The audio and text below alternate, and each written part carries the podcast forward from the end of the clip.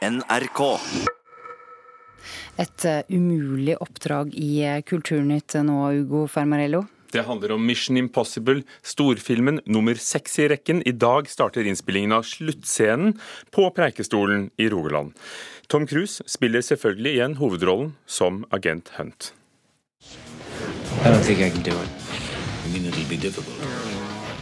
Tom Cruise og Anthony Hopkins fra en av de første Mission Impossible-filmene. Well, this is not mission difficult, Mr. Hunt. It's mission impossible. Tom Cruise er både produsent for filmserien og spiller hovedrollen som agent Ethan Hunt. I dag er han ved Preikestolen i Norge for å spille inn en scene til den sjette filmen i serien. Well, Hunt, Filmen har planlagt premiere til neste år, og Preikestolen er nå stengt for publikum. I går tok likevel rogalendingen Kenneth Pedersen en fjelltur for å se på klargjøringa til opptak. Hva syns du om at det er Hollywood-innspilling her, da? Oh, det er jo ganske kult, da. Jeg tror nok eh, jeg og de fleste andre her i fylket kommer til å se den filmen når den kommer, da. Og filmene til Tom Cruise er det allerede mange som har sett. Den første Mission Impossible-filmen kom i 1996. Og de seneste filmene er sett av over 200 000 kinogjengere i Norge. Til sammen har de fem filmene spilt inn mer enn 19 milliarder kroner på verdensbasis. Cruise gjør ofte sine egne stunt i filmene sine. I 2011 klatrer han opp verdens høyeste bygning i Dubai. Og under innspilling i 2015 hang han fast utenpå et fly før det tok av. Under opptakene på Preikestolen skal han selv henge utfor kanten. 600 meter over fjorden. Sa reporter Kristine Sterud. Magnus Stokka, vår reporter på plass ved Preikestolhytta. Hva kan du se her eh, ser vi ut eh, på et eh, fint vann rett ved Preikestolhytta. Det har blitt lysere nå. Det er ganske vindstille. Det ser ut som at det blir en god dag for Hollywood. En god dag for filmopptak. Og Vi har jo allerede sett på nrk.nos sider bilder av Tom Cruise, tror vi da, hvis det ikke er en, en stand-in. Men angivelig Tom Cruise som henger utenfor, utenfor stupet på Preikestolen. Hva skal skje i dag? I dag så er det første offisielle opptaksdag. De har jo kun dagen i dag, onsdag og torsdag til filmopptak. Ganske stramt skjema, iallfall eh, hvis været ikke spiller på lag. Så det venter da at de starter på eh, å spille inn denne scenen, som eh, der Tom Cruise skal klatre de siste stupbratte meterne opp ifra Preikestolveggen. Preikestolen som da henger 600 meter over Lysefjorden. Det er jo imponerende, og det er et imponerende rigg av utstyr på, på toppen der. Eh, har publikum sjanse til å se ham? I dag blir det en eh, liten åpning mellom 14 eh, og 14.15, der en kan gå til platået overfor selve Preikestolen. Der ser en rett ned på Preikestolen. Men når det er åpning for publikum, da er det pause i filminnspillinga. Så liten sjanse til å få med seg eh, Hollywood-produksjon her. Men uansett, en vet aldri. Kanskje Tom kommer fram, gir et lite vink til fansen sin. Ehm, en får iallfall prøve hvis en er interessert i eh, filmproduksjonen å gå opp her i dag. Men hvis opptakene begynner i dag, de vi har sett bilder av hittil, er det, er det øvelser? Offisielt så er det befaring, øvelser, men i går var det jo strålende flott eh, vær her. Og den eh, beste hverdagen i, i i forbindelse med, med, rigging og filmopptak, eller de dagene som er satt av til dette. Så det kan jo tenkes at de har uh, tatt litt, uh, litt opptak òg i, i, går. Det, det, er det ingen som, uh, som, vet helt sikkert. Magnus Stokka fra NRK Rogaland, du står jo der. Er også verdenspressen og, og paparazzi-fotografene dere har skrevet om tidligere ventet? Ja, de er iallfall venta paparazzi-fotografer fra hele verden. Ingen er observert til nå, men kanskje de gjemmer seg i buskene oppe i fjellheimen. Hva vet jeg. Takk skal du ha, Magnus Stokka.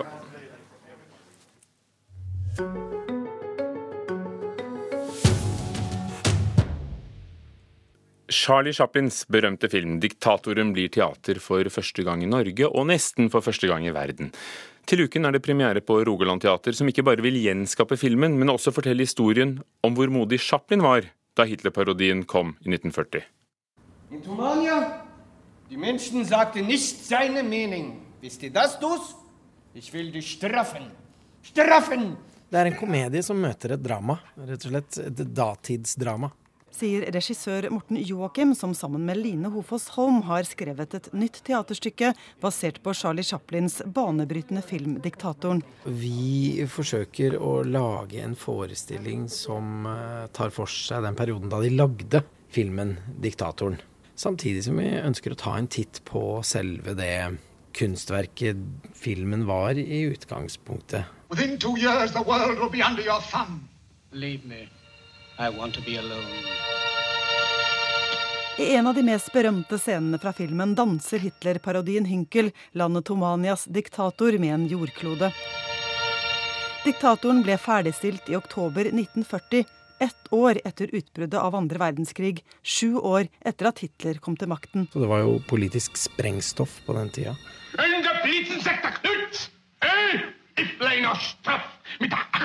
Filmen ble først sensurert i både England og USA, og det er nettopp Charlie Chaplins standhaftighet og mot som teatret ønsker å belyse, sier Joakim. Det at han tok ansvar, det er jo kjempeaktuelt og veldig sånn beundringsverdig.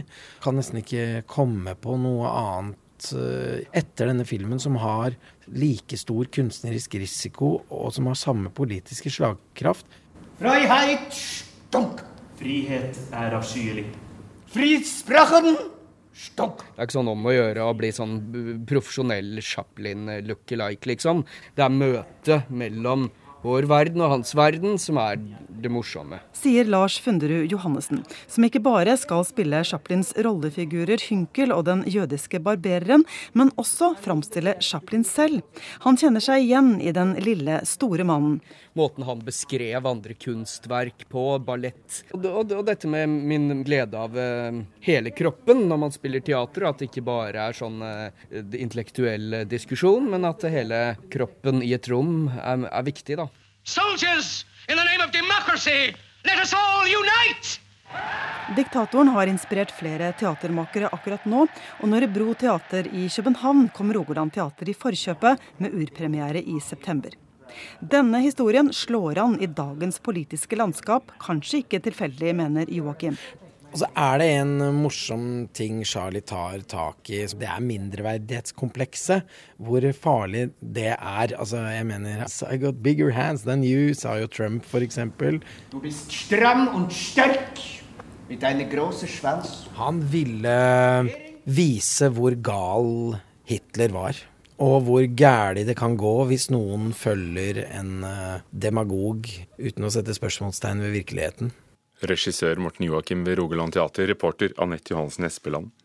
Flere av de store, kjente arkitektkontorene i Norge, som Snøhetta, Lund Hagem og Nils Torp, har sendt et opprop til Statsbygg, der de ber om en uavhengig gjennomgang av konkurransen for regjeringskvartalet.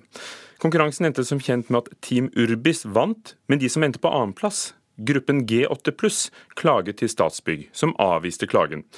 Reporter Anja Strøen, hva vil alle disse andre norske arkitektene med oppropet? Disse kjente arkitektene de peker på at de må kunne være trygge på at det er det beste prosjektet som realiseres, og det må være like muligheter i en slik konkurranse.